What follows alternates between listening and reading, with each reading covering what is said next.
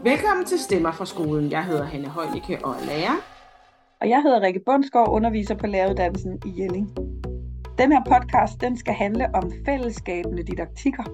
Ja, det var et begreb, vi blev opmærksom på, da vi, op, da vi fandt over den her bog, der hedder det samme fællesskabende didaktikker. Den er udgivet på forladet Kvan. Og den er øh, redaktøren, det er Helle Rabel Hansen, som rigtig mange af os kender. Hun er skoleforsker med speciale inden for mobning. Øhm, og hende øh, kontaktede jeg, og hende har jeg så også talt med, hvor hun ligesom folder det her begreb ud, men også, vi taler selvfølgelig også lidt om mobning. Hvorfor mobber vi, og hvad kan vi simpelthen gøre for at undgå det? Jeg har også øh, mødtes med to lærere. Det er lærer ved Linnestud Skole, Jakob Læsse Schulz og Daniel Faber Ulrik Clausen. Og dem har jeg en snak med efter min snak med hele. Du har jo arbejdet med det her. Ja, ja. Jeg løb bare lige hen over år. det. Var det ikke det? øh, øh, altså, selve fællesskabende didaktik er jo egentlig først et begreb, der dukkede op, men det er jo en kombination altid. Ja, det er jo ikke sådan, man drømmer om det, jo, det kan man jo godt, men så er det jo også en kombination. Men det dukker faktisk for, først op i mit arbejde sammen med mine øh, øh, kollegaer. Altså, jeg foreslog det simpelthen i 2000 8-9 stykker. 9, Ja. ja. tror jeg, det Ja. var. Altså som en idé, og så blev det kvalificeret Mm. Jeg sammen med andre, så, så selvom jeg fik ideen, så øh, altså, altså vi er jo efterhånden, at det er jo et helt miljø, og det dukker op steder, jeg slet ikke, altså så det er også derfor, jeg ejer det ikke Nej. Længere. Altså, og det mener jeg faktisk positivt. Ja, Altså, det ja. er- Men først skal vi lige tilbage til det her mobning. Altså Ja, lige, ja. hvad er mobning, og hvorfor mobber vi? Hvad er det, der er i os? Ja. Altså, mobning er en fællesskabsform, mm. og det har har faktisk været overset i mange år, fordi øh, i gamle dage, nu laver jeg citationstegn, det kan man ikke høre, men øh, det laver jeg ikke desto mindre øh, i gamle dage, fordi det lever stadigvæk den forståelse. Der troede man, det var noget med mangler inde i det enkelte menneske. Og sådan kan det jo også se ud, når det sker. Fordi Mm. hvorfor er det, man står der og gør ting, som virker ondt på andre mennesker? Men faktisk er det en fællesskabsform. Fordi mennesker i grupper, steder, hvor de er tvunget til at være, eller i hvert fald sådan en følelse kan man godt have det, når man går på arbejde eller i skole, hvis ikke der er et samhørighed det sted, så danner mennesker selv deres egen form for samhørighed, og det kan fungere på mange forskellige måder, og mobning er faktisk en måde at få et lille vi på. Dem, der mobber, de får en fællesskabsfølelse. Mm. Og så, det er jo ikke, fordi individer ikke betyder noget, men det kommer faktisk i anden omgang, hvordan individer så kan forstærke, eller udfordre, eller vedligeholde, eller knække sammen omkring mobning. Så man kunne også sige sådan her, mobning skabes socialt og rammer individuelt. Mm. Mm. Og grunden er altså den her faktisk, øh, og jeg ved godt, man lige, skal, man lige skal tænke sig om to gange for at komme ind i den der abstraktion, fordi det her er jo en, en teori. Øh, men øh, når mennesker mobber, så er det fordi, de faktisk læ- længes efter et fællesskab. Og så definerer man så fællesskabet ved at lave et demmer og et os. Mm. Mm. Og her kan enkeltpersoner selvfølgelig godt spille en, en rolle. For eksempel ved vi, at du kan blive en virkelig effektiv mobber, hvis du selv har prøvet at ligge nederst Mm. i systemet. Så der er jo selvfølgelig nogle balancer mellem jeg og vi. Ja, ja, det er klart. Øh, men altså, du har jo været i børnerådet, og du har været i børns vilkår som jurist, og det er jo nogle af de her undersøgelser, som I lavede i 90'erne, der ligesom dannede, dannede bund for nu, der må gøres noget. Vi må undersøge det her, ja. Ja. hvorfor er det, vi gør det, og det har så udmyndtet sig efter mange år til det her fællesskabende didaktik. Men hvorfor har der, der har jo været masser af sådan nogle mobbetiltag, Ja. eller Ja. ikke mobbetiltag, mobbe ja, antimobbetiltag, Ja, ja. antimobbetiltag. Så hvorfor har der været, altså, hvorfor har der været behov for en ny bekæmpelse, en ny tilgang til bekæmpelsen af mobning? Fordi at mange af de tiltag ikke virkede. Og selvom de virkede, nogle af dem, så var der en tendens til, at de tiltag var efter individer, bebrejdede individer, eller sågar udstøtte individer. Mm. Der blev en tendens til, at uintenderet, altså det var ikke noget, man havde planlagt, men at der bare opstod nogle nye slags positioner. Altså det vil sige, nogle af dem, man var efter, fordi man ikke synes, de opførte sig ordentligt, de blev så på en eller anden måde bare de nye ofre. Men summen var konstant. Mm. Øh, og, og der skete der også det med mange tiltag, at lærere og pædagoger simpelthen opgav, fordi de bare ikke syntes, at det virkede, eller gav uro. Eller, øh, så der, blev, der var også sådan en, en vis form for op- opgivelse. Og så gjorde vi simpelthen det. For det første havde vi jo nogle nye fund om mobning. Altså det der med at se, at det var en fællesskabsform. det vil vi jo gerne ud i verden med, men vi vil jo også gerne oversætte det til nye praksiser, fordi hvad gør man så? Hvis det her ikke handler om, at du skal tage Gustav ud af sammenhængen og, og give ham en reprimande og sige, det må du ikke gøre mere, eller du gerne vil gøre Amalie lidt stærkere, fordi hun er offer og ligesom sådan reparerer på hende. Det var jo nogle metoder, vi kritiserede. Hvis det ikke var godt nok, så var der, kommer der jo en naturlig efterspørgsel. Hvad gør vi så? Mm. Øh, og, og så satte vi os simpelthen ned øh, blandt øh, mobbeforskere, faktisk sammen med nogle rigtig, rigtig dygtige praktikere, og, og, og, og, og gik i tænkeboks. Når, hvis det her er en fællesskabsform, hvad er så løsningen, eller hvad er det, der kan udfordre? Og der opdagede vi noget ret interessant. Vi opdagede, vi opdagede faktisk, at de der tiltag mod mobning, altså vi vidste godt, det ikke virkede, men vi opdagede også, at de aldrig var i sammenhæng med skolens kerneopgaver. Der er altid noget, der lå udenom, at nu skal vi have et børnemøde, eller nu skal vi have en, en feel-good øh, øh arrangement, og vi skal have det mere fredagskage og så videre. Og alle de der ting kan være okay, men det er jo samtidig også altså okay for, for alt muligt i forhold til trivsel, men det var ikke noget, vi kunne se virke i forhold til mobning. Men det var også alt sammen nogle ting, der lå uden på undervisning, ligesom lå uden på skolens opgaver. Og, og det var virkelig sådan, aha, fordi vi jo samtidig jo også havde et andet fund, der viste, at der var i hvert fald sammenhæng imellem skolegang og mobning. Altså, alt efter, kan du lide at gå i skole, kan du ikke lide at gå i skole? Altså, der var en, en og hvad for nogle forhold er der til lærerne? Altså, der, der var en masse ting, der handler om relationerne på mm. kryds og tværs. Så, så mobning har i høj grad noget med selve kerneopgaven, også blandt øh, voksne på en, en arbejdsplads. Og så var det simpelthen, at vi lavede den her form for øh, øvelse, at hvis vi nu sætter os i lærerens sko, det var ligesom dem, vi gerne ville ud til, fordi vi anser dem som nogle af de allervigtigste interventionister, eller intraventionister kan man også kalde det, for intervention lyder som om man kommer udefra, men lærerne kommer ikke udefra. De er jo en mm. del af sammenhængen, de er en del af konteksten. Øh, vi satte simpelthen i lærernes sko, så jamen altså lærerens hovedværktøj er jo didaktikken, læringskunsten. Mm. Så begyndte vi at kigge på didaktikken. Så opdagede vi en anden interessant ting, og det er, at den oprindelige oprindelige, fordi i virkeligheden så indeholder ordet faktisk nogle idéer om, om fællesskabet, men i hvert fald i sådan, inden for de sidste 100 år, så har didaktikken været enormt individualiseret. Skruet lidt med noget gruppearbejde her i nye tider og så videre, men og slutproduktet også at gå op til en eksamen og sådan noget utrolig individualiseret. Men læring, altså det at lære noget er jo ikke individualiseret. Det at lære noget rent videnskabeligt er jo i høj grad en social dynamik. Og der koblede vi simpelthen de to ender sammen og sagde, jamen altså, didaktikken trænger til at blive udfordret. Didaktikken trænger til at komme ind i det, vi ved om læring rent videnskabeligt. Mm. Og det fødte simpelthen begrebet fællesskabende didaktik. Så det er født i mobbeforskningen, men det retter sig mod meget mere ja. end, end, end mobning. Det retter sig især mod det at skabe meningsfuldhed mm. i skolegang. Hvorfor? Fordi der er simpelthen en kæde, der hænger sammen imellem, når ting bliver meningsfulde. Mm. Så bliver fællesskab, og, og at det er en oplevelse i fælleshed sammen med andre, så opstår der noget at være sammen om. Mm. Og så behøver man jo ikke at være sammen om, om op, og så kan man være sammen om det, der er hele meningen med galskaben i skolen, nemlig skolegang.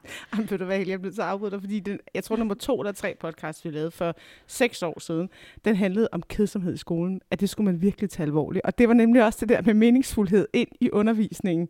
Og det var, altså det har præget, den podcast har præget alle podcast, vi har lavet siden. Ja, men det altså, den er med i alt, fordi det er sådan lidt, at det der med, og det er vel også det, du taler om, den der kontekstbaserede undervisning. Ikke? Prøv lige at dykke lidt ned i det ja. begreb. Altså. Ja. Det er fordi, man kan sige, fællesskab med didaktik er sådan et overbegreb. Ikke? Man kan også ja. kalde det for en paraply. Og, og så er der en masse medbegreber. Man kan mm. også kalde det medfaglighed. Og en af dem er kontekstbaseret undervisning. Og det betyder i al sin enkelhed nogle gange, så får man måske også tingene for gør dem lidt for enkle, men alligevel i forklaringen er i hvert fald enkelt. Og det er, at en undervisning skal være nærværende. Mm. Det behøver ikke at betyde, at man skal have en rød næse på, og det skal være entertainment hele tiden. Overhovedet ikke. Det er ikke det, der tænkes. Men hvis man vil have flere med ind i at skabe meningsfuldhed, fordi mobning udfordrer faktisk kedsomhed. Mm. Altså mobning er utrolig underholdende for dem, der udøver, og dem, der ser på. Ja, ikke for ja. dem, det går ud over. Nej. Øh, hvis undervisning i højere grad passionerer og indfanger øh, nogen. Det, undervisning vil altid indfange nogen, mm. uanset næsten, hvordan formatet er, fordi de måske selv kan gribe ind i det, eller er lige præcis interesseret i det, læreren står med lige nu. Men det er jo ret smalt. Mm. Den, den spændende undervisning handler om, hvordan kan jeg få flest muligt med på den her andengradsligning, øh, selvom at øh, jeg har set, der er nogen, der ligesom synes, det er lidt svært at måske stå af. Og det handler jo om, hvordan kan jeg gøre det her nærværende. Mm. Og, og der er jo mange måder at gøre ting nærværende på. Øh, nogle gange så, så kan det jo for eksempel handle om, at man inddrager det, som eleverne selv er optaget af. Altså for eksempel har jeg lagt mærke til, at der, hvor vi er aller dårligst til det, det er, når børnene bliver teenager. Men der, altså, der larmer livet jo helt vildt meget for dem. Hvorfor er det, at vi ikke i højere grad øh, trækker det liv, de er optaget af. De er jo meget optaget af det sociale på godt og ondt. Hvorfor kan det ikke trækkes ind? Mm. Så kunne man spørge, hvad har det med anden gradsligning at gøre? Jamen det er jo her, man, man skal være pædagogisk fantasifuld. Fordi det behøves jo ikke at blive proppet direkte ind i ligningen, men det kan være rundt om selve det at skulle lære andengradsligningen, at man ligesom trækker øh, elevernes eget liv ind. Og så er der jo nogle fag, hvor det er totalt oplagt, ikke? Mm. og hvor man allerede gør det i et eller andet omfang. Øh, øh, for eksempel trække unge liv ind, eller øh, yngre børns øh, liv ind. Men jeg tænker faktisk at gøre det det kontekstbaseret, gør det langt mere upfront, fordi et hvert barn kommer jo med en unik historie. Et hvert barn kommer med sin egen viden, og der skal vi være didaktisk nysgerrige på, hvad er det, de kommer mm. med. Fordi hvis vi trækker et barn ind på den måde, så for det første får det barn mere meningsfuldhed. Men i de andres øjne bliver det barn jo også til noget. Mm. Og derfor det enkelte barns unikke viden, unikke baggrund, kan blive til noget fælles. På den måde er der er det kontekstbaseret, hænger meget også sammen med peer-to-peer, åbner op for, at jeget og viet kan spille sammen ind i skolens faglighed. Mm. Mm. Og, og kontekst er også noget andet. Kontekst er også lidt lokale. Hvor er jeg henne? Er jeg i en lille by i, i øh, uden for Horsens?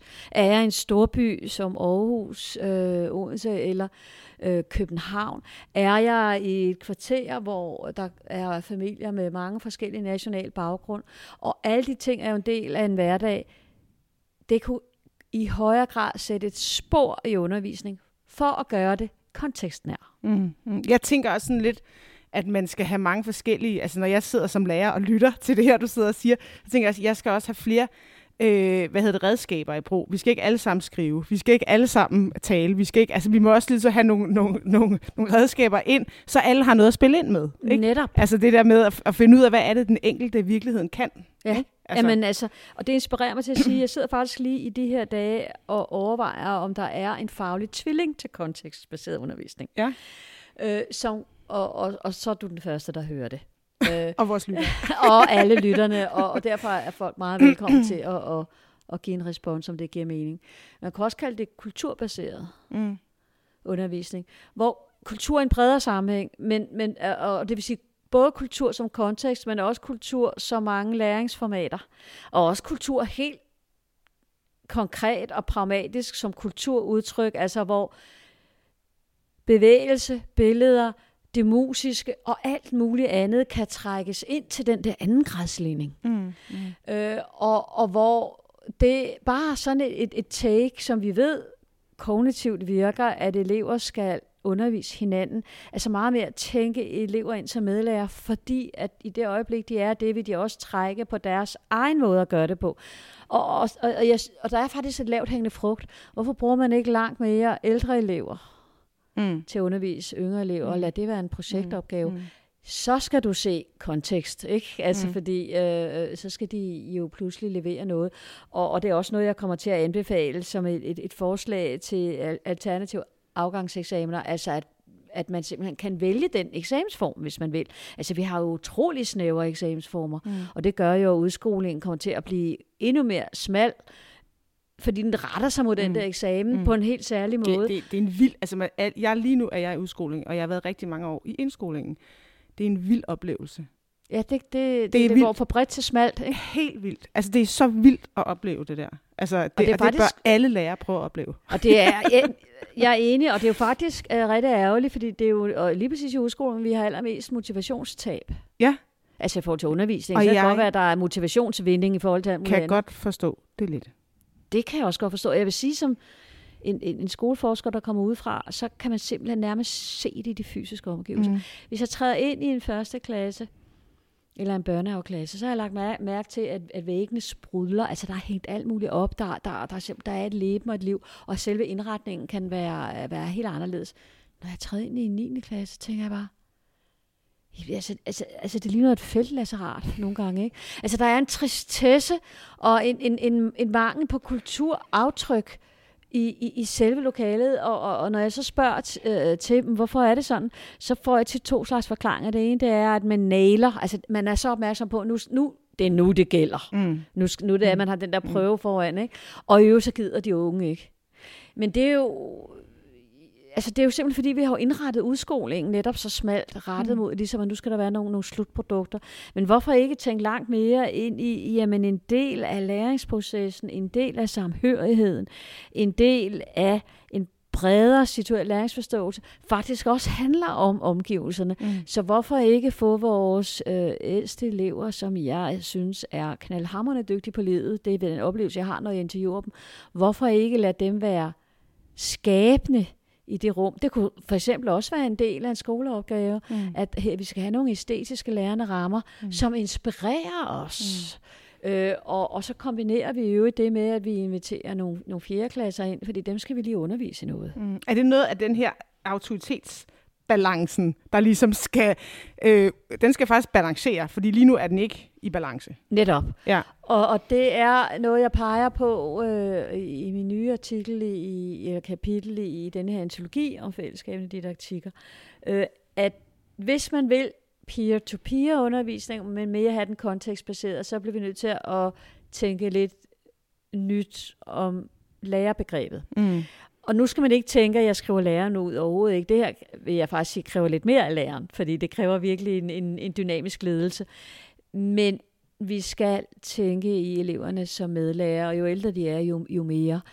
Og, og, og det med, vi opnår ved det, det er jo simpelthen, at de øh, får et større ejerskab øh, til det at gå i skole. Mm. Jeg siger ikke, at alle vil få det, men jeg siger, at flere vil få det. Og det er simpelthen, fordi det er noget læringspsykologisk, at det du selv er med til at udvikle og skabe, det forstår du bedre, og det føler du simpelthen mere for.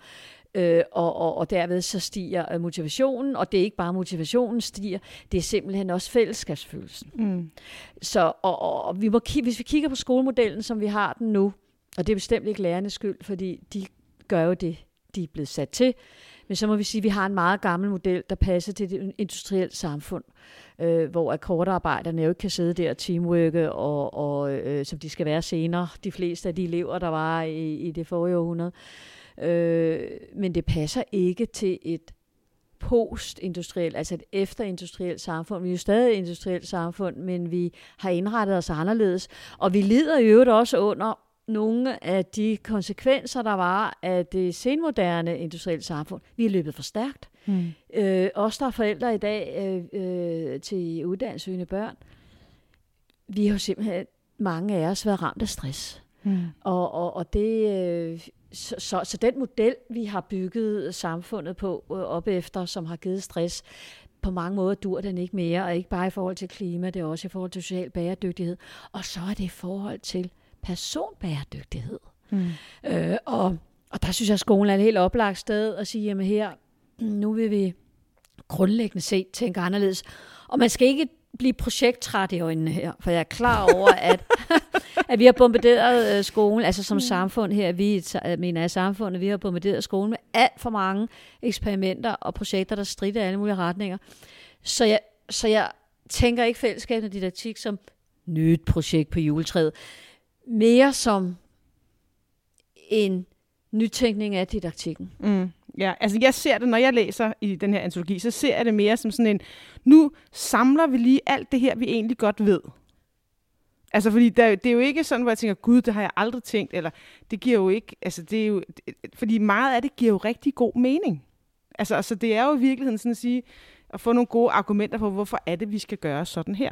Hvorfor er det, vi gør, som vi gør i virkeligheden. Og jeg, altså især det her med autoritetsbalancen, fordi der kan man jo godt komme lidt i clinch med nogle forældre, eller en ledelse, eller en kommunalbestyrelse, eller sådan et eller andet, der har nogle sådan det er jo nærmest sådan politisk faktisk også. Altså, fordi skolen er jo også en politisk kampplads, det her med, vi vil gerne have en tydelig lærer, der har styr på det, og der er ro i undervisningen. Mit barn klager over, at der ikke er ro i undervisningen.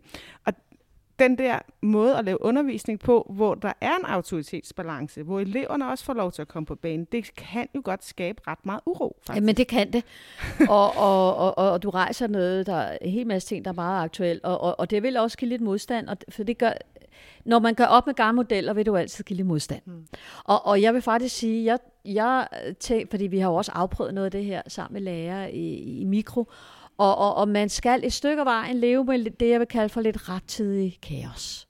Men der er jo ikke altid destruktion i kaos. Der er jo også nogle gange kreativitet øh, i kaos. Og der er ingen tvivl om, at der er nogen, der vil efterspørge den gamle autoritet.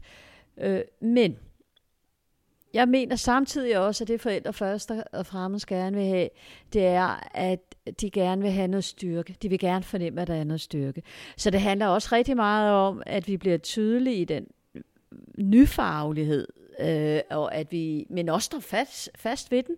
Altså, fordi det kan også give tryghed. Mm. Og så tror jeg aldrig, man kan gøre et helt forældregruppe, en helt kommunalbestyrelse tilfreds.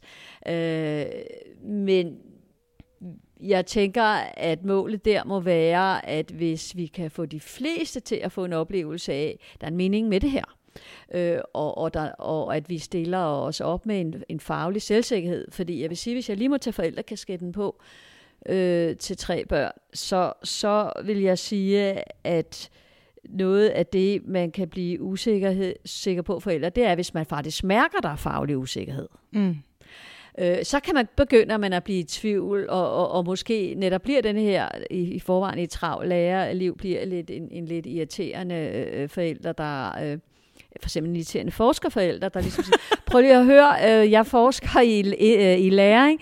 Øh, altså det er sådan kognitivt set og så videre. Ikke? Øh, altså, s, altså, hvis jeg da hele taget skal sige noget om forholdet mellem politikere og lærere, øh, forældre og elever, så, så synes jeg, vi er der, hvor der kan være tendens til, at opstår aktørfjendtlighed. At man ligesom i frustrationer bliver fjendtlig. Sådan, åh, givet der var nogle andre slags lærere, der var dygtige, eller givet der var nogle andre slags forældre, der var lidt mere medtænkende, mm. eller givet der var nogle, nogle elever, der ville kravle ned for lamperne, og, øh, og givet der var nogle politikere, der ville forstå os, og, og den anden vej. Og jeg tænker faktisk på, rent historisk, at når der opstår for meget sådan noget aktørfjendtlighed, jeg tror ikke, vi kan undgå noget aktøruenighed, så det er ikke det, jeg taler om, med aktørfjendtlighed, så er det et krisetegn. Mm. Og jeg tænker faktisk, at vi er der. Øh, og, og det er slet ikke nogen af de her aktørers skyld. Altså jeg tænker faktisk, hvis man overhovedet skal tage, øh, tænke skyld, så må vi kigge på tiden. Vi må kigge, på, vi må kigge historisk på det. Mm. Altså der er simpelthen nogle strukturer og noget kultur, der ikke følger med tidens behov og tidens øh, anderledes måde at organisere samfundet på, og tidens børn og unge. Mm. Mm. For de børn, der går i skole i dag, er nogle andre børn end dem, der gik i skole for 20 år siden. Og selvfølgelig er der nogle ting, der er ens, men også nogle ting, der er anderledes. De er vokset op i en anden tid. Dels kan man sige med de her stressfaktorer, men ikke kun det. De er også vokset op med noget positivt. Og det er, at børneopdragelsen er blevet anderledes. Mm. Øh, og hvis jeg skal øh, læse den positive side af det, så er det, at langt de fleste forældre betragter deres børn som demokratiske deltagere. Men vi sender dem altså over en skole, der øh, hører til den gamle industriskole, ikke? Altså, mm. hvor man helst skal være mest muligt stille, fordi ellers kan du komme igennem undervisningen, når der er 28, og vent til du, øh, øh, når du bliver ivrig, du bliver nødt til alligevel at adressere din ivrighed, indtil der er nogen, der spørger dig. Altså, det er simpelthen to kulturer, der i den grad er øh, i crash. Mm. Altså, øh, så, så, så, så der må jo tænkes. Øh, og hvis jeg skal nævne en, en lidt mere negativ side ved, ved øhm, øh, dagens forældreskab, eller i hvert fald udfordrende side, så er det jo, at de unge forældre, de, de famler lidt. Øh, og det gør det jo, fordi der ikke er så mange fodspor at gå af. Så derfor så skal forældre ikke bebrejdes eller have den her liste ved skole, så at dit barn skal komme midt i skole og have sovet midt så så mange timer og skal lære at binde sin sko. Det er ikke en invitation til dialog. Mm. Det man kunne sige, det er, vi er en joint venture. Vi står med nogle øh, samfundsmuligheder, fordi øh, børn i dag oplever så meget, det skal vi trække ind. Vi står også med nogle samfundsudfordringer. For eksempel så har vi, øh, står vi med et samfund, hvor alle sover mindre, end vi gjorde for 20 år siden. Skal vi finde ud af det sammen? Mm. Hvor er mødestedet?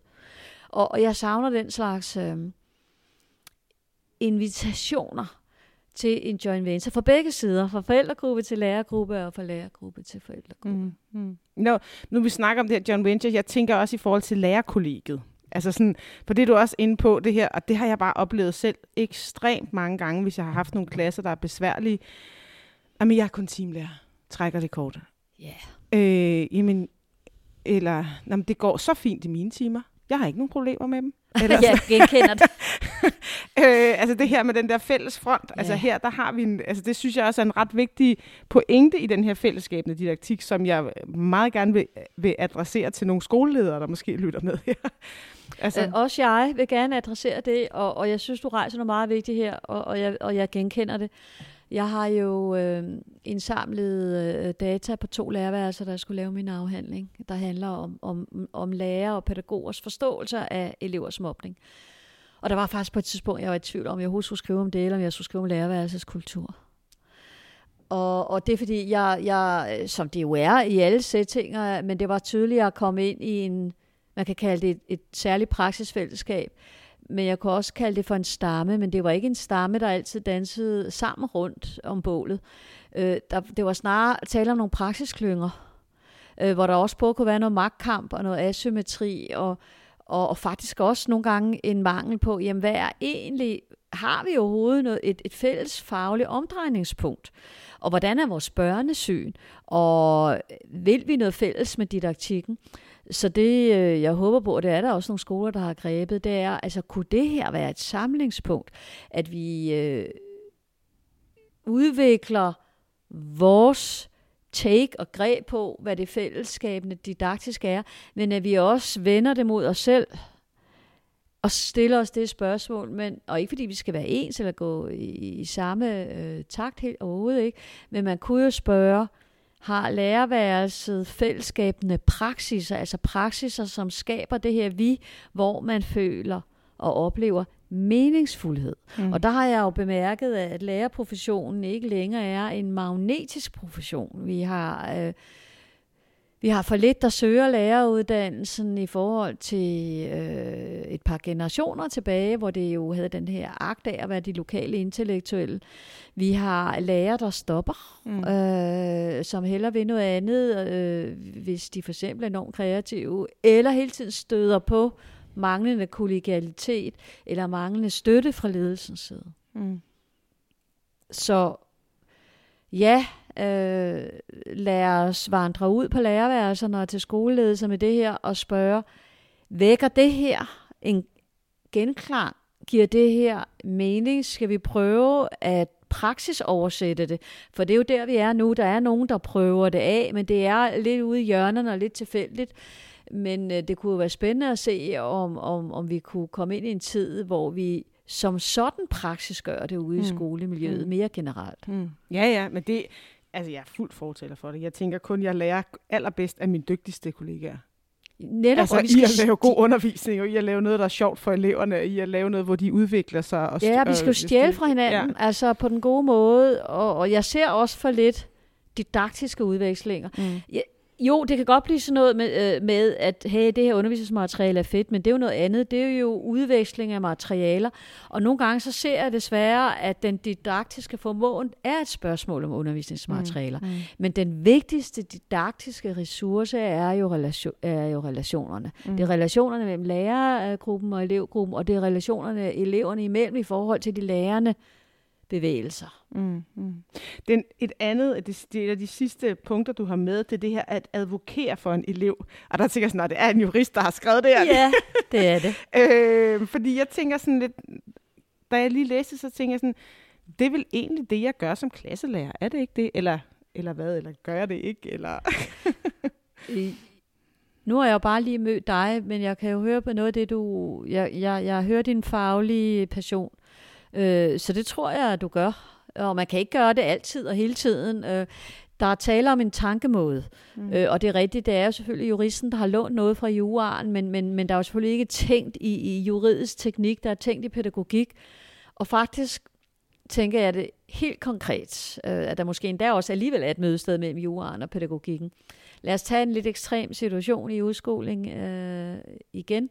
Det er jo det dårlige ord, det der udskoling, ikke? for det lyder som om, det ikke er noget i sig selv. Mm.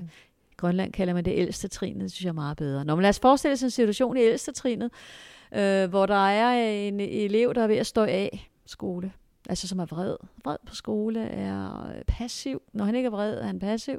Eller hun kunne det lige så godt være. Og man er desperat som lærer, og, og, og, og, og man har måske prøvet med nogle pædagogiske venlige take, og man bliver mere og mere sanktionerende. Og til sidst måske endda så meget, så, så det her barn står og vipper med, og både skal både i karantæne, eller måske faktisk have et andet skoletilbud. Der så jeg gerne, fordi for barnets retssikkerhed, men det er faktisk også barnets ret, hvis man kigger på partshøring og FN-konvention for barnets rettigheder, er, er det jo en ret for barnet at blive hørt. Men skal, skal barnet stå alene derover for hele mm. skolestrukturen? Mm. Hvorfor ikke? Jeg har set det blive praktiseret øh, for mange år siden i, i Sverige. Hvorfor ikke praktisere, der er en fra lærerteamet, men simpelthen vælger, at du skal tale Karls sag mm. i det her, vi nu skal beslutte os for. Mm. Og det, der sker, det er, at når man vælger en i kollegagruppen, der skal tale øh, barnets sag, det er, at så sætter man sig jo faktisk ind i situationen. Og så bliver man faktisk bedre til at tale måske en mildere, en mildhed ind, som det barn har brug for, fordi de børn, vi ekskluderer strukturelt i skolen, er jo dem, der har mest brug for at blive omfavnet. Så, så det er, når der, når der virkelig er noget på færre, men det er også i det små. Hvis jeg lige må drage lærerværelset stammen ind igen her, så øh, beder jeg jo med, bed jeg mærke i de, de to øh, lærerværelser, som jo var meget forskellige. Øh, jeg var øh, fulgte, at der var noget, der var fælles, og det er, at det var rimelig legitimt at tale negativt om øh, øh, nogle enkelte klasser, eller nogle enkelte børn og nogle forældre. Og jeg var helt overrasket i starten. Nej, nu kommer der nok øh, en afdelingsleder, en leder, eller, øh, eller nogen, der har en anden synspunkt, og siger, hey, skal vi ikke lige passe på, at det her ikke bare er ventilering, for det har man lov til på lærerværelset, men at det faktisk går hen og bliver et vilkår, det barn skal kommer til at snuble i. Altså, der var simpelthen øh, sådan et negativt børnesyn, øh, især når der var konflikter, men det vil der jo altid være. Skolen er jo ikke et konfliktfri rum. Og der kunne man jo også være den, der var Rasmus modsat faglig, og sagde, hey, nu er vi vist ved at kun at tale negativt. Men hvad er der, er, altså, hvis man nu vender den om og siger, kunne vi genlæse? Hvad for nogle potentialer er der? Mm. Hvis man gør det på den måde, så vil man jo agere efter det, jeg vil kalde for mulighedernes børnesyn, og ikke efter de der øh, negative forståelser, hvor man jo bed jeg mærke i, godt kunne få kollegaernes opbakning på, ja, men de er jo også de børn, vi har i dag, og sådan noget, ikke? Altså, øh, og, og det tænker jeg, det kan jo selvfølgelig være meget rart i, i, lige på stedet, men der er jo ikke nogen udvikling i det. Mm. Men tænker du egentlig, altså det her med, hvad vores rolle som lærer er i det her mobbe, altså mobning, er der, altså, øh, det er jo meget kontroversielt på en eller anden måde, ja. men hvad er vores, altså, hvilke skyld bærer vi i det her egentlig? Altså? I bærer i hvert fald stort ansvar, både for problemet, men også for løsningen. Mm. Øh, for problemet, det er, at vi kan se, og det har vi tyk, fed gyldighed på at sige, belæg, evidens, whatever. Og det er, at jo mere positive elever svarer tilbage på om deres relationer til lærerne, jo mindre mobning. Og det er selvfølgelig ikke en til en. Mm. Altså det, det er også blandet ind sammen med andre faktorer. Hvis jeg lige skal zoome ind på den øh, faktor, så er der ingen tvivl om, at det at opleve, at lærer er tilgængelige. Man kan komme med lærer, ikke bare med, med nu kan man altså ikke finde det X i ligningen, mm. øh, men at også, øh, når der er udfordringer, at det simpelthen betyder noget for trygheden i klasseværelse. Det at øh, have en lærer, der ikke er sanktionerende og ikke er gentagende udskældende, betyder noget for dynamikken i hele klassen. Jo mere hemmeligt liv eleverne må leve indbyrdes, hvor de ligesom kobler øh, de øh, lærerne af, fordi de betragter dem som fjerne, eller som uinteressante, eller, eller fjendtlige ligefrem, jo mere grobund for mobning.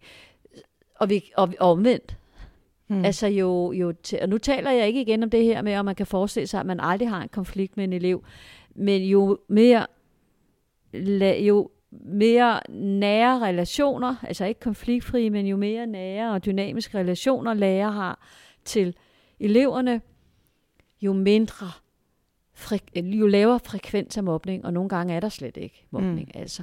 Og det følger simpelthen øh, med øh, helt signifikant, som egentlig bare betyder, at der er ingen tvivl af, hvis du skærer tilfældighederne fra, om at det har en øh, øh betydning. Og, og, og, og, og meget, altså i det hele taget er hele stemningen i klassen, og klassedynamikken, herunder også relationerne til lærerne, det er den afgørende øh, faktor for, om der er mobning eller ej.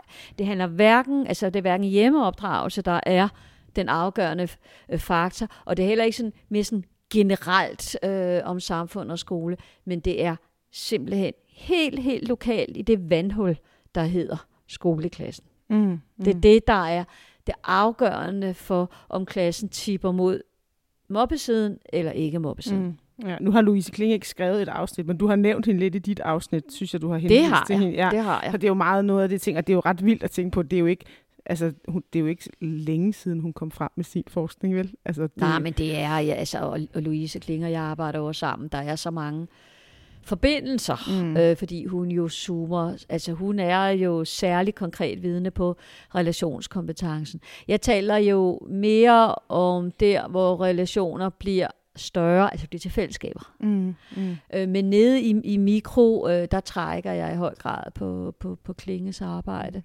Øh, og det er jo heller ikke tilfældigt, at der er så mange forskere, der i de her år kigger på fællesskaber og sociale dynamikker mm. osv. Det er jo simpelthen fordi, at det er der, vi har brug for at vide mere øh, og prøve mere, man kan mm. sige man, kan, man, man er altid brug for at vide mere, men vi har så meget forskning, der peger på, at der skal arbejdes mere med klassens social dynamik, vi behøver ikke at sidde og vente på mere forskning. Nej, nej. Og man kan sige, der er jo den meget fede øh, biting ved det, at, eller hvad skal man sige, ekstra gave i gaven. Det er jo også det er utroligt dejligt at have som voksen kollega, der kan finde ud af at arbejde sammen, og kan finde ud af at skære alt muligt fis og fnader og pis og papir væk, og bare køre på opgaven og have det dejligt og give den gode energi, det giver. Ja. Altså, så det er måske også det, vi får ud af at lære børn at arbejde sammen. At Jamen, de bliver præcis, bedre til det som altså. voksne. Altså passion smitter. Ja. Og ikke passion smitter også.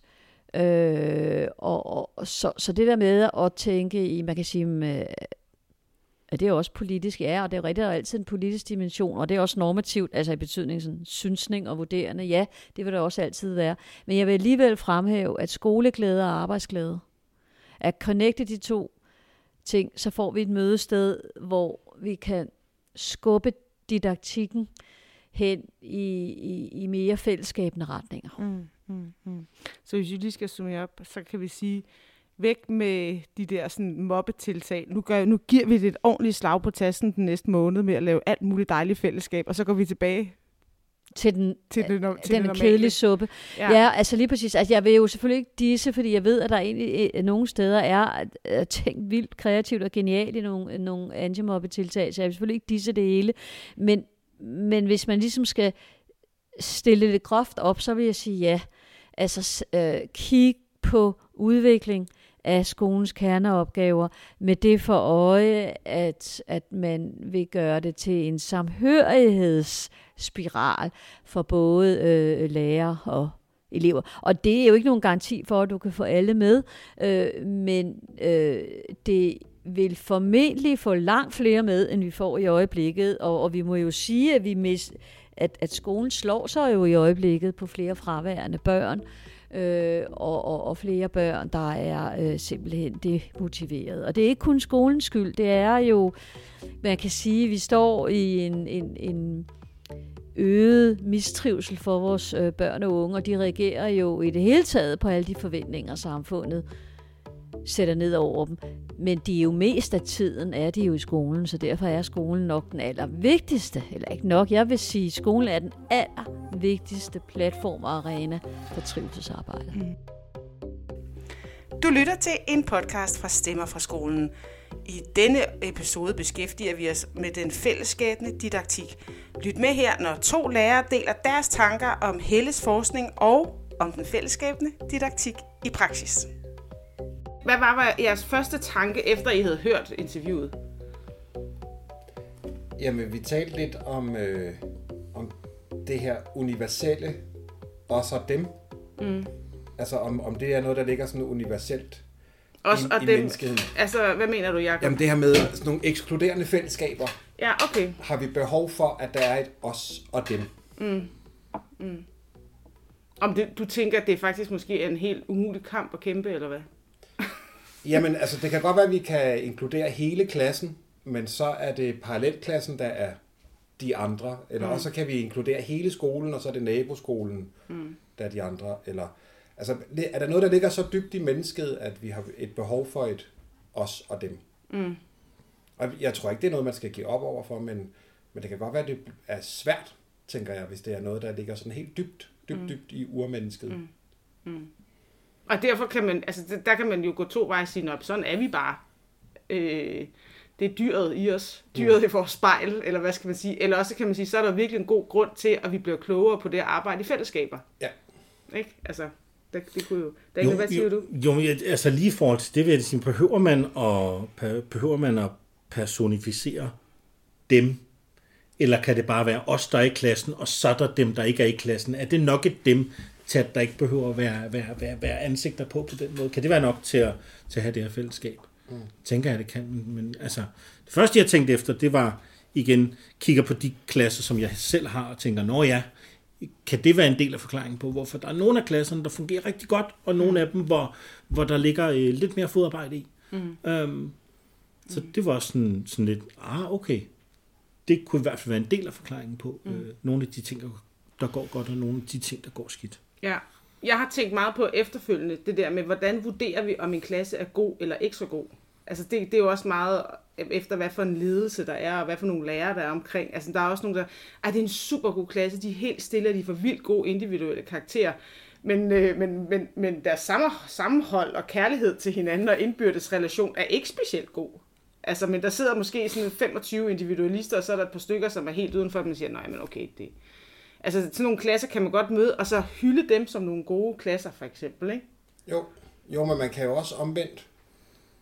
Altså, fordi hvad ligger der i begrebet en god klasse? Mm. Altså, jeg synes jo netop sådan nogle øh, klasser med lidt spral i, og hvor der er noget modstand og noget pingpong og noget... Det synes jeg er gode klasser, hvor mm. dem der, der sidder helt musestille og bare retter ind til højre, dem synes jeg måske kan blive sådan lidt kedelige i virkeligheden. Altså, så vi bliver nok også nødt til at definere, hvad en god klasse er. Mm. Altså, hvad vil det sige at være den gode elev mm. i virkeligheden? Mm. Mm, Det ville være en mega spændende debat at have i start, altså i den her uge, som vi sidder og optager i, som er lige sådan starten af sommerferien, slutningen af skoleåret.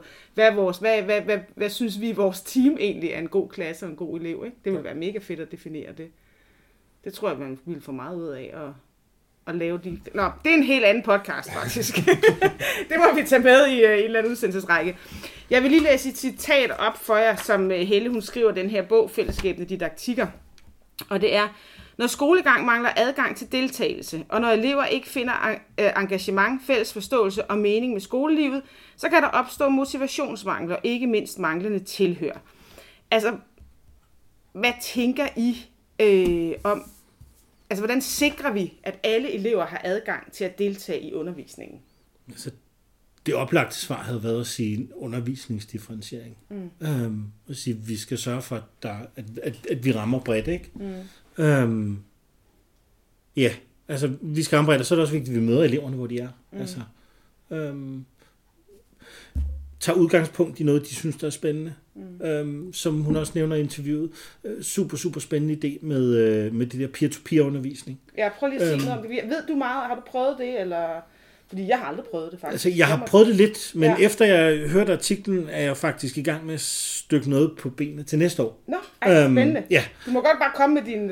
Altså, vi, vi Jamen, altså, ikke op på nej, noget, nej, men altså, et, et, elever, der underviser elever. Ja, Øhm, og det kan jo godt være jævnaldrende. Det, det, det kan jo være nogen, der ved helt vildt meget mm. om, om heste, mm. der fortæller resten af klassen om heste. Men, men jeg tænker lige så vel, og det nævner hun også i interviewet, lad os få de ældre elever ned. Mm. Øhm, og prøve at undervise nogle af de mindre. Det kunne være for at læse højt for dem, eller fortælle dem om magneter, eller et eller andet, mm. som, de, som de faktisk ved noget om, som, som de kan give videre til de små. Øh, eller de mindre. Øhm, de små elever vil synes, det er helt vildt fedt, at der kommer nogen, som de også kan se ude på legepladsen. Hold nu kæft. Det var ja. Søren, der, der viste mig, hvordan, øh, Ja. hvor- hvordan det fungerede. Mm. Øhm, og jeg tænker, de store elever, en del af det at gå i skole er også på et tidspunkt skal de til eksamen, på et tidspunkt skal de stå og, og fortælle noget, på et tidspunkt skal de stå og, og videreformidle et eller andet. Mm. Og det er jo en, en super taknemmelig arena på en eller anden måde, vi kan give dem her, og øve sig på nogen, som bare synes, de er for seje, mm. fordi de er de store. Ikke? Mm. Øhm, altså, Ja, men helt sikkert det der med, at man... Altså, jeg synes også, det er vildt inspirerende. Jeg har faktisk prøvet at komme i tanke Ja. om, når du siger... Vi lavede det på min gamle skole med sådan noget med, med fodbold. Øh, hold nu op, hvor var jeg træt af at løse fodboldkonflikter fra Ja. ja. frikvarteret. Ja. Og så tog vores AKT-lærer nogle af de store drenge, og så tog de øh, mine drenge ud. Jeg havde en kæmpe stor gruppe fodbolddrenge, der alle sammen ville vinde. Og så spillede de fodbold med dem, og talte om, hvordan de kunne lave nogle fælles fede regler. Og det havde en... Altså, det de nåede på, på de par gange, vi- de gjorde det, det ville jeg aldrig kunne nå med dem. Nej. Altså som i aldrig. Altså det var helt vildt en effekt, det havde. Jeg har haft noget erfaring med, med læsemarker, hvor man har. Ja. taget nogen, der bare var et par klasser højere, mm. og så hævet ned, og så lavede de noget markerlæsning. Mm. Øhm, mm. Det, det, det var også ret effektivt. Ja. Altså, også, men også, det er også nogle relationer, som de, de tager med, med sig ud af klasselokalet, ikke? fordi mm. de alle sammen er børn, der går på skole. Det er også lidt med til at binde skolen sammen mm. på, på, altså, mm. på den anden led. Hvad tænker I med i forhold til sådan noget med, og, altså vi har snakket en lille smule om sådan noget undervisningsdifferentiering, der ligger jo også noget i det her med, hvordan vi udvælger materiale. Altså det er jo på et eller andet, nogle gange så udvælger vi ting, som kun rammer måske i virkeligheden 5, 7, 10 procent inde i klasselokalet. Altså sådan det her med også at lade eleverne selv spille sig på banen med det. Altså forstår I, hvad jeg mener med det? At de, jamen, jeg vil gerne lytte til en tekst om et eller andet, eller jeg vil gerne øh, læse, eller jeg vil gerne se en film, eller, altså sådan, så, så man har den her åbenhed over for elevernes egne input. Hvad tænker I om det? Det synes jeg da er er alle. Og jeg tænker, at i de her år, der går det jo stærkt. Altså med, med at man netop, i stedet for at skrive en stil, kan tale en stil. Mm. Eller man kan øh, filme en stil. Mm. Eller noget andet. Øhm, som er blevet meget, meget nemmere end, end bare for 10 år siden, hvor man skulle have et lille GoPro eller et, øh, et eller andet andet device, som... Mm. Øh, og, og, det, og det tænker jeg, øh, at næsten eleverne er endnu bedre til end at, at, at komme med forslag til, hvis de tør. Mm. Fordi at det kan godt være, at de har en forestilling om, at når man går i skole, så skal man sidde og læse en bog. Øh, man kan ikke lytte, eller man kan ikke se. Mm. Man skal læse. Mm. Øh, Det er måske også Ja. meget forældrenes forestilling om, hvordan det jamen er at det, jeg tror, det er sådan noget kultur, der smitter ned mm. igennem. Ikke? Jeg tror lige så meget, at at det man som lærer skal være villig til at sige, du må gerne aflevere den her stil i videoform. Mm. Mm. Det, tror jeg, det tror jeg måske er noget af det allersværeste, for jeg tænker, eleverne tænker bare fedt. Jamen, det har Altså, du fuldstændig ret i. Men, øhm, men tænker læreren det? Altså, fordi at spørgsmålet er jo, om vi selv er så fastgroet. Jamen, fordi det, det er det, jeg siger. Jeg tror, det er sværest for læreren. Jeg tror, jeg tror, det, det, jeg tror det næsten, det er os som, som undervisere, der har været vant til at rette stil og læse stil, og produktet skal være på denne måde. Jeg tror, jeg tror, det, det, jeg tror den største udfordring ligger hos os, at det er os, der tør bede om noget andet, eller give det som mulighed. Jamen, jeg tror, du misforstår mig, Daniel, fordi jeg tror, altså, jeg, jeg vil elske alting.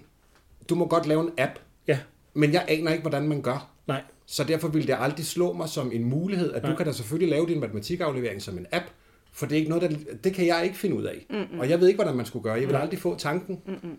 Så, så jeg, det handler jo også om, at jeg tror, at eleverne får samtidig nogle tanker, som vi ikke gør. Mm. Og så håber jeg på, at de er så trygge, at de siger, hey, må vi ikke mm. godt... Der er vi jo også inde på det der autoritetsbalancen der, som hun taler om, Helle, at den skal ligesom være anderledes, ja. End den er nu, ikke? Fordi den er nok lidt ubalance i virkeligheden. Den er meget hierarkisk bygget op, ikke? Og det er jo ikke kun noget at gøre med at sætte nogle regler i klassen og, og, og lave nogle sådan, øh, så, ja, regler, som vi alle sammen kan være i, at man ikke taler i munden på hinanden og så. Den handler jo også om, hvordan vi spiller os på banen i noget fagligt, ikke? Jo. Altså, fordi det er jo også, det kan man jo også sige, er, kan, altså det er jo også eksemplarisk i forhold til, hvis vi lader eleverne komme på banen i noget fagligt, så viser vi dem jo også, at de skal lade hinanden komme på banen. Altså, det har jo en afsmittende effekt. Ja. Ja, og man kan sige, at, at netop de der rammeting, mm. altså vi skal nok have styr på målene, og vi skal mm. nok have styr på, at de når at, at, at lære det pensum, de nu skal lære. Mm. Men rammen omkring det, altså om det skal foregå i et kladehæfte, eller om det foregår i en vlog, eller mm. en, altså det, det tror jeg, de øh, kan hjælpe os rigtig meget med at se nogle muligheder i. Mm. Mm. mm. Ja, Jamen, det tror jeg helt sikkert, de kan. Også det der med så at styrke deres, digitale dannelse, så den ikke bare ligger på TikTok og ser den ene video efter den anden, men som vi faktisk kan finde ud af at lave nogle videoer selv, og gøre nogle af de her fede øh, ting, som, som de faktisk bliver mere kompetente af. Øhm, jeg springer lige lidt til det her om relationen mellem lærer og elev. Det synes jeg er meget relevant lige at komme ind på nu. Øhm, vi ved jo godt, at det er mega vigtigt. Altså, øhm, at, at det er jo ikke... Ja, det behøver vi ikke diskutere, om det er vigtigt eller ikke vigtigt. Øhm, men hvad gør vi egentlig, når, når det ikke fungerer? Altså, fordi der er jo... Altså, det er jo, det, det er jo en svær... Det er jo en svær disciplin det er jo ikke alle, man har den. Altså der, der kan jo være forhold, hvor man nærmest arver et problem, fordi der har været en problematisk skolegang igennem nogle år, man får en ny klasse, og man, altså, forældrene er nærmest mm. op i øh, flæsket på en med det samme. Og, hvordan kan man genstarte sådan et forhold egentlig? Jamen jeg synes jo, det der, hun talte om at advokere for, mm. synes jeg jo egentlig er en, en meget spændende ting. Altså jeg tror mm. egentlig, jeg ubevidst altid har gjort det, men jeg synes, det er meget fint, du sætter nogle ord på. Altså det her med, at sætte sig i barnets sted, og hvorfor. Mm. Altså, der er nok en god grund, mm. måske. ja. Jeg tror ikke, man, altså, der er nogle dygtige klasselærer, der har det bare på, jamen, jeg kan lide alle mine elever. Det er ikke, det er ikke et spørgsmål. Jeg stiller mig. øh, men, men der er også nogen, der stiller sig det rigtig meget, og jeg følte mig da en lille smule ramt, da hun fortalte om det der med mm. de der, øh, altså hvordan det er at være på et, på et klasse, eller på et lærerværelse, den der ventil, vi siger, vi alle sammen har brug for åh, nogle gange kan den godt blive til en diskurs omkring en familie og nogle elever, ikke? Altså. Jo. Ja, hvis den bliver der, ikke? Hvis den mm. bliver ved, ved, ved, ved brokken, fordi altså, vi har alle sammen brug for at vente en gang imellem, mm. men den skulle helst også blive konstruktiv. Mm. Altså, mm. Øhm, men, men, men jeg vil sige, altså, at genstarte, øhm, jeg tror i sidste ende handler det om, at, at, at, at, at forældrene, man skal gøre forældrene trygge med, at man egentlig vil deres barn det godt. Mm. Altså, og så selvfølgelig en forventningsafstemning i forhold til, at man ser på det samme barn. Ikke? Mm. Altså, ser, ser I det, som vi ser, og hvis ikke, hvordan kan vi så øhm, hvordan kan vi, kan vi gøre det klart for jer, at vi faktisk ikke er ude på at slå nogen oven i hovedet eller et eller andet, men mm. vi bare gerne vil hjælpe. Mm, mm. Og det, jeg synes egentlig, det der med at advokere for en liv, jeg synes, det er et mega fedt redskab. Mm. Altså, jeg har tit siddet til møder, hvor der har siddet øh, en psykolog, der har set barnet tre gange, og så en fra kommunen, der har set barnet øh, nul gange. Og, og, og de har meget mere taleret over muligheder og løsningsmodeller og sådan noget. Og så kommer vi sådan lidt på banen. Men hvis man ligesom kunne lave også en autoritetsbalance i det forum der, der siger, vi har undersøgt det her barn, vi har talt med barnet, vi fremlægger sådan og sådan og sådan, 100% fra barnets perspektiv, ikke? Jo. Altså, det synes jeg kunne være en mega fed arbejdsmodel. Altså. I stedet for, at man skal de samme tre skridt igennem, hver gang man møder et nyt skridt i systemet. Ikke? Mm, mm, mm. Og som hun jo også siger det her med, at det der jo sker, det er, at man er bare bedre forberedt. Ja. ja. Altså, øh, og, og det der mulighedernes øh, børne, eller barnesyn. Øh, der, hun taler også, øh, Helle, om det her hemmelige liv blandt eleverne. Som vi, altså, og det er jo meget mere udbredt nu, end det var for 10 år siden, fordi at de har sådan en lille øh, en lille sort firkant øh, ved sig hele tiden, hvor der kan ske alt muligt, og, og det der med, at man kan holde fri for sin mobning, det kan man jo ikke rigtig mere, vel? Altså, der er jo ikke det der sted, når jeg har bare nogle andre venner til spejder eller i rideklubben. Altså, du er der hele tiden. Ja. Ikke? Altså, hvad, hvad, hvad, hvad kan man gøre egentlig? Hvad er jeres, har I nogle gode erfaringer til det? Altså, nu kan man sige, lige i disse dage er det jo meget op i tiden omkring mm. øh, at skulle forbyde telefoner i i skolen. Mm. Og det har vi egentlig altid haft en politik om her. Øhm, og, og det har ikke været noget problem, og det synes jeg er godt. Men det gør også, at jeg som lærer føler mig rigtig tilsidesat i, i den del af børnenes liv. Altså mm. fordi øh, det er ikke en del af skolelivet, at de er på TikTok eller på Snapchat, mens jeg ser dem. Så derfor så at bliver jeg måske endnu mere distanceret i den problematik. Forstår mm. du, hvad jeg mener? Jeg forstår det så godt. Det er en mega fed problematik, du kommer med, synes jeg. Ja. Ja, det er noget, der sker uden for skolen, men påvirker skolen rigtig meget, så vi bliver mm. nødt til at forholde os til det på en eller anden mm. måde. Mm. Altså, øhm, og, og det kan jo, kan jo godt være, at, at digital dannelse bare generelt øh, skal have en langt større rolle i, i skolen, end det har nu i dag. Der er det jo sådan en gang om året, hvor vi lige har, en dag. Fe, har vi har en dag, og der taler vi lige om, øh, om hvad emojier betyder, og at du ikke skal ski, mm. sige skud. Ja, lige præcis. Altså, lige præcis, ikke? Altså, ja. øhm, så, så, så det, det skal måske spille en langt større rolle. De, mm. de, altså, den online arena er jo, er jo, bliver jo større og større. Den bliver jo ikke mindre, vel? Mm. Øhm, Nej. så jeg tror, det handler noget om også at være ydmyg i forhold til det, at prøve, prøve på en eller anden måde bare at sætte sig en lille smule ind i det. Mm. Altså, vi kommer aldrig til at bruge emojis på den rigtige måde, det har jeg fundet ud af, fordi det er et helt sprog for sig selv nu til dags. Men, øh, øhm, altså, Ja. Det er i hvert fald en, en vigtig pointe, synes jeg, det der med, når vi, når vi laver mobilfri skoler, så er der også pludselig noget, vi bliver, vi bliver hægtet af. Ja. Mm. Ikke? Altså, og så, kan, så bliver det sværere for os at inddrage det i undervisning som noget digital dannelse, faktisk. Det er ja, jo egentlig meget interessant. Jo, ja, vi kan jo godt hive dem ind den der ene dag om Ja, året. ja, altså, ja, der, ja. der kan vi jo godt, men, men det bliver bare ikke en naturlig del af mm. hverdagen. Mm, mm, mm. Øh, og jeg ved ikke, om det er sådan et, et step, man skal igennem, at man så skal man først forbyde det, og så, så kan vi løsne lidt op, og så kan mm. vi... Øh, jeg ved ikke, om det er at sådan vejen kommer til at være, men for jeg synes afgjort, det er en god idé, at de ikke sidder med næsen i deres mobiltelefoner, når de er i skole. Mm. Helt 100 procent. Mm. Men det har også bare en pris. Ja, sådan er det. Livet er bare ikke nemt. Der er ikke nogen nemme løsninger. altså, det er der bare. Hvad, øh, Helle taler også om det her med de her øh, antimobbe-indsatser, som hun synes, altså hun har ikke rigtig set nogen, hvor der havde en langsigtet effekt. Altså, de havde sådan, det var sådan en bjergtop, man kom op, og nu går det skide godt, bum, og så slipper vi den, og så går det helvede til igen nærmest. Altså sådan en, ligesom at gå meget på slankekur. Ja. Er I enige med hende i det? ja, langt hen ad vejen, ja. Ja. Ja, fordi altså, hvis slankekuren aldrig bliver til en livsstilsændring, ja. så kommer det jo aldrig til virke. Mm-mm. Sådan kunne man måske også se på ja. mobbestrategier. At der er kun så lang tid, som sagt, der er kun så lang tid, man gider at- tale girafsprog, ikke? Eller, altså... Jo, det- det... indtil man så bare gør det på ja, automatik, ja, hvis man kommer til det. ja. Jeg har heller ikke oplevet, at det har virket på, altså på den lange bane. Mm. Men igen, alt hvad du giver en masse opmærksomhed, der, vil- der vil du da selvfølgelig se noget, der ændrer sig. Når vi alle sammen bliver opmærksomme på, at nu skal vi åh, nu skal, nu skal, nu skal Jonas, han, han har det lidt svært, så nu skal vi sgu være søde ved Jonas, ikke? Altså, så er vi søde ved Jonas et stykke tid, ikke? Til at, at, at det er Men mere er mere. sjovt det andet.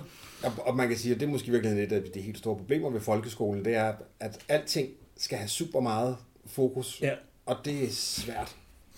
Altså, så, så er det erhvervskundskaber, så er det mm.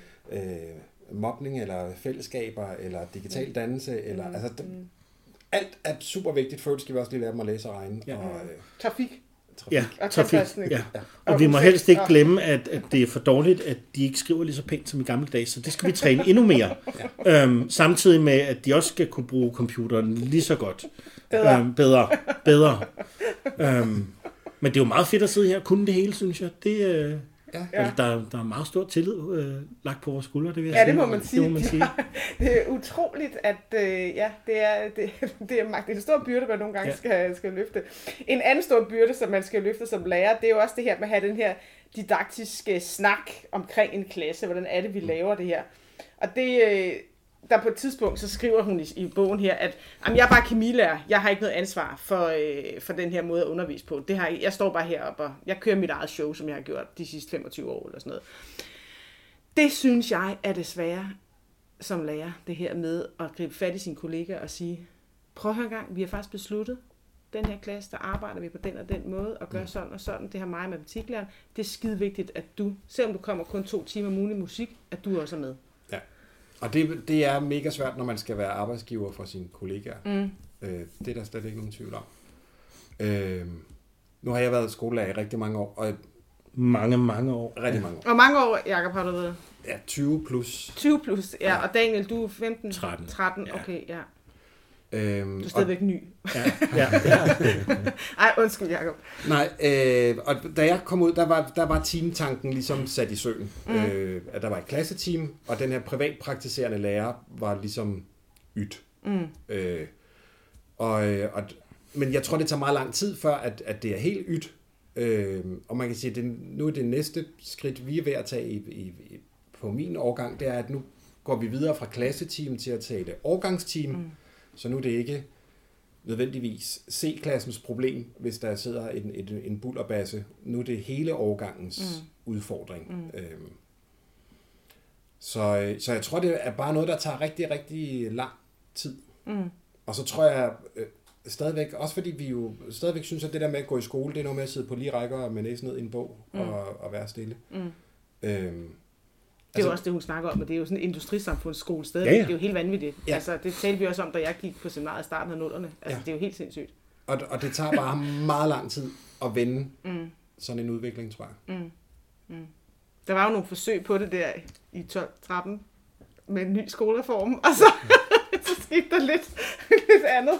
Ikke? Det, er jo, det er jo helt vildt at se. Altså, der var jo nogle rigtig gode initiativer på, på, synes jeg, på meget undervisning i det, men som bare blev et i, at, øh, at lærerne simpelthen altså, skulle betale det selv. Ja. Ikke? Altså, det, det, det synes man jo bare var dødssygt. Ja. Det kan jeg jo stadigvæk synes er dødssygt, men derfor kan jeg stadigvæk også synes, der var nogle ret fede initiativer i at lave en anden slags undervisning. Der var der skide gode idéer, men det er Ja. rigtig, rigtig svært at spare sig til succes, ikke? Altså, Jo, det man øhm, det, det er det.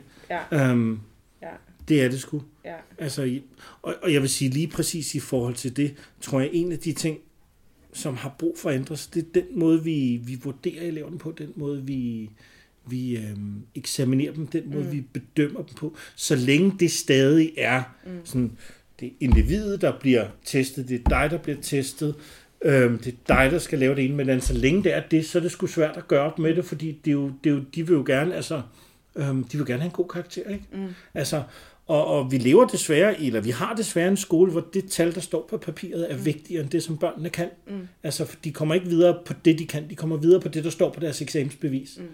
Um, så så længe det er rigtigt, så er det jo det, der vil være det vigtigste. Og så er det jo ligesom alle andre mennesker gør, det er path of least resistance. Mm. Um, altså, Jeg synes, jeg har undervist rigtig mange år i, i indskolingen, og nu har jeg nogle udskolingsklasser, hvor jeg har så elever, der ikke har det så nemt fagligt, så dem underviser jeg.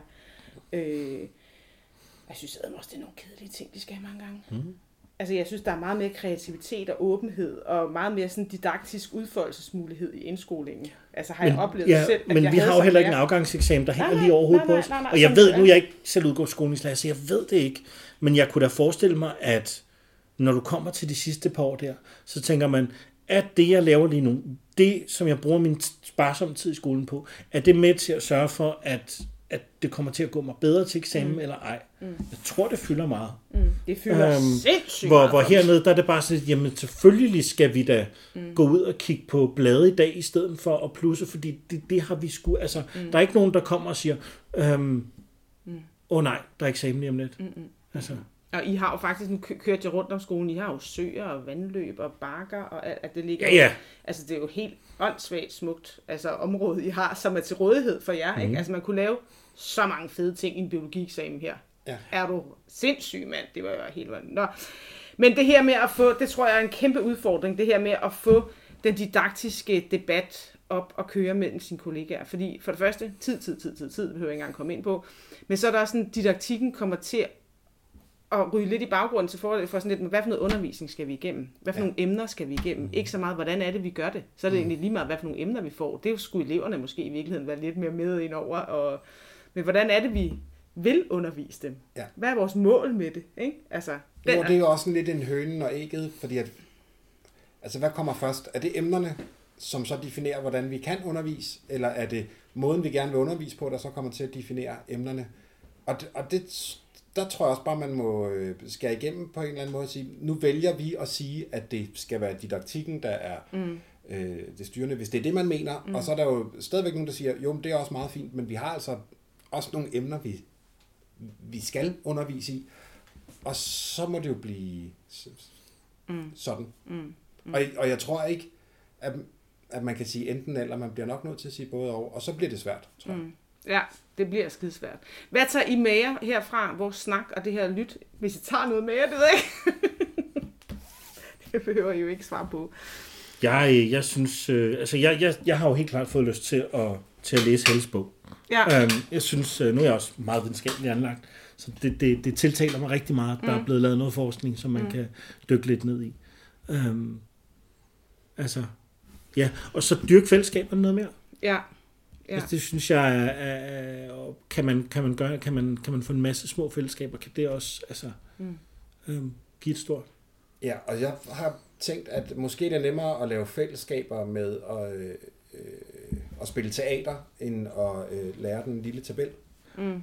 Øh, altså jeg, jeg tænker at plukke nogle af de der lidt lavt hængende frugter, som vi ikke rigtig får plukket mere. Mm. Altså få lavet et teaterstykke, få mm. lavet, få stablet en koncert på benene, få, mm. altså sådan noget, hvor alle kan deltage mm. på deres egne vilkår, mm. hvis det giver mening. Mm. Mm. Jeg prøv at tænke på, hvor meget mere matematik de kunne lære, hvis de havde det godt med hinanden efter en koncert, ikke? Så var den tid måske givet mm. rigtig, rigtig godt ud. Mm. Um, Men der er jo egentlig også i virkeligheden meget, altså sådan, ved at lave en koncert, der er jo meget naturvidenskab i det, i forhold til sådan noget med lydbølger og alt muligt andet. Altså, der er jo, hvad, hvad, altså, der er jo, der, du kan jo smide alt mulig læring ind i, og, og om vi lige kan så lave en test, hvor vi kan krydse nogle svar af bagefter, det er jo ligegyldigt. Og, og det er det Men, kun så længe, at de ikke skal bruge det til noget. Præcis. Ja. Fordi er det ligegyldigt? Det, altså, og for hvem er det ligegyldigt? Det kan godt være, at vi tre vi kan sidde her og blive enige om, mm. at for os er det ikke vigtigt. Mm. mm men da, vi er jo bare en, en lille dråbe i et kæmpe samfund, hvor lederne presser, og ja. forældrene presser, og lederne bliver presset af forvaltningen. Og, mm. Altså, der er, så ja, det kan og... godt være, at vi kan sidde her og blive ja. enige om, at jamen, de der tests, de er ikke så vigtige. Nej. Men Johanna vil gerne ind på medicin, og hun kan også godt lide musical, ikke? Så, altså... Ja. Øhm... Ja, men det er rent nok, jeg sidder her sådan en altså idealistisk flipper på mange områder, og det er frygteligt! ja, ja, ja, ja, det er ikke huske den værste sommerferiefrokost, jeg har været til på mit gamle arbejde. Det var, at vi skulle hylde en af mine kollegaer, der havde fået det højeste, altså hendes klasse havde fået det højeste gennemsnit på he, hele kommunen. Ja. Det skulle vi hylde og klappe, rejse sig op og klappe af hende. Jeg tænkte bare, ja. Jeg læste en, en, en, en, et sjovt opslag på, øh, jeg er også en af dem der, der har internet derhjemme, så nogle gange så er jeg på Reddit, øh, mm. sådan, det er også et socialt medie af en art. Og der, øh, en art, en art, ja. øhm, og der øh, læste jeg en, et opslag fra en, en dansk mand, der simpelthen havde skrevet, jeg har lige fået 0,2 i mit speciale, og jeg, jeg har næsten ikke lyst til at tage ud og fejre det sammen med mine venner. Jeg skammer mig over, kan jeg mm. virkelig tillade mig at gå ud mm. og, og, og blive hyldet for at have fået 0,2. Mm. Mm. Ja. Altså, at der sidder voksne mennesker, der færdiggør lange, svære mm. uddannelser, mm. og fordi at vi skal sætte et tal på dem til sidst, så er der nogle af dem, der tænker, men er jeg så overhovedet god nok? Mm. Altså, får nærmest har jeg, sådan et... Har jeg så fået en eksamen? Har jeg, har jeg overhovedet fået en eksamen? Er det ja. sådan helt, øh, sådan helt øh, sådan påduttet imposter-syndrom, ikke? Altså, mm. det, og jeg tænkte, det er med forfærdeligt, fordi ja, du er færdig, du er bestået, altså, mm. øh, og hvad så? Du, mm. øh, altså, det, det, det vidner i min verden om en eller anden syg måde at vurdere hinanden på. Mm. Altså, mm. helt, helt, helt ind til benet. Fuldkommen syg. Mm. Um. ja, jeg tror, vi kunne, få, vi kunne få rigtig meget mere ud af vores elever, hvis man brugte nogle af de eksempler på at lave eksamener, som Helle også taler om. Ja. Ikke? Og rigtig meget ud af vores undervisning. Og, og det kommer jo også mere og mere. Altså, der bliver jo flere og flere gruppeeksamener, sådan, mm. men det tager bare virkelig Det tager vildt lang tid. Ja, ja. Men det der tal er jo også bare, som vi skal, vi, vi skal på en, vi, de skal med med have et stempel til sidst, så vi ved, hvad kasse vi skal sætte deres papir ind i, i stedet mm. for... Altså, det er jo også idealistisk. Kunne det være fedt, hvis du skulle ind på en uddannelse, og det gjorde du ved at sætte dig ned og snakke med en, der vidste noget om det, som så vurderede, hvad du kunne ud fra den, du var, mm. i stedet for, hvad der stod på et papir. Men omvendt, så er de her karakterer jo også super motiverende for nogle elever. Ja. Altså, som, altså, der er det virkelig det, der gør, at de opper sig, og de siger, nu gør vi det, mm. del med. Mm. Men vil altså, de... Så det er jo ikke kun altså skidt. Altså, vi kan Nej. godt blive om, at, at, øh, at et firtal, hvad siger det om øh, dig som menneske? Jo, absolut ingenting.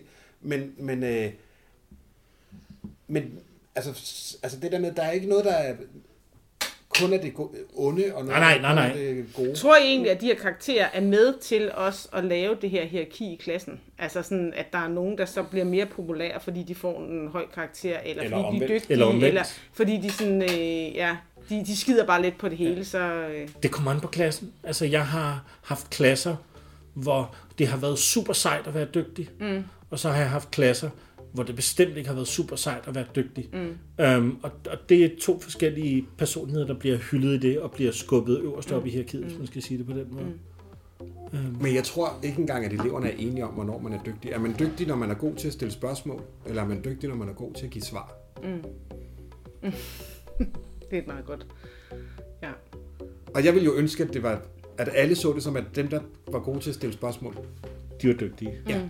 Mm. Fordi at det vi vidner for mig i hvert fald noget om et engagement og en nysgerrighed. Nu har jeg fortalt dig et eller andet nyt, du ikke vidste. Wow, fedt.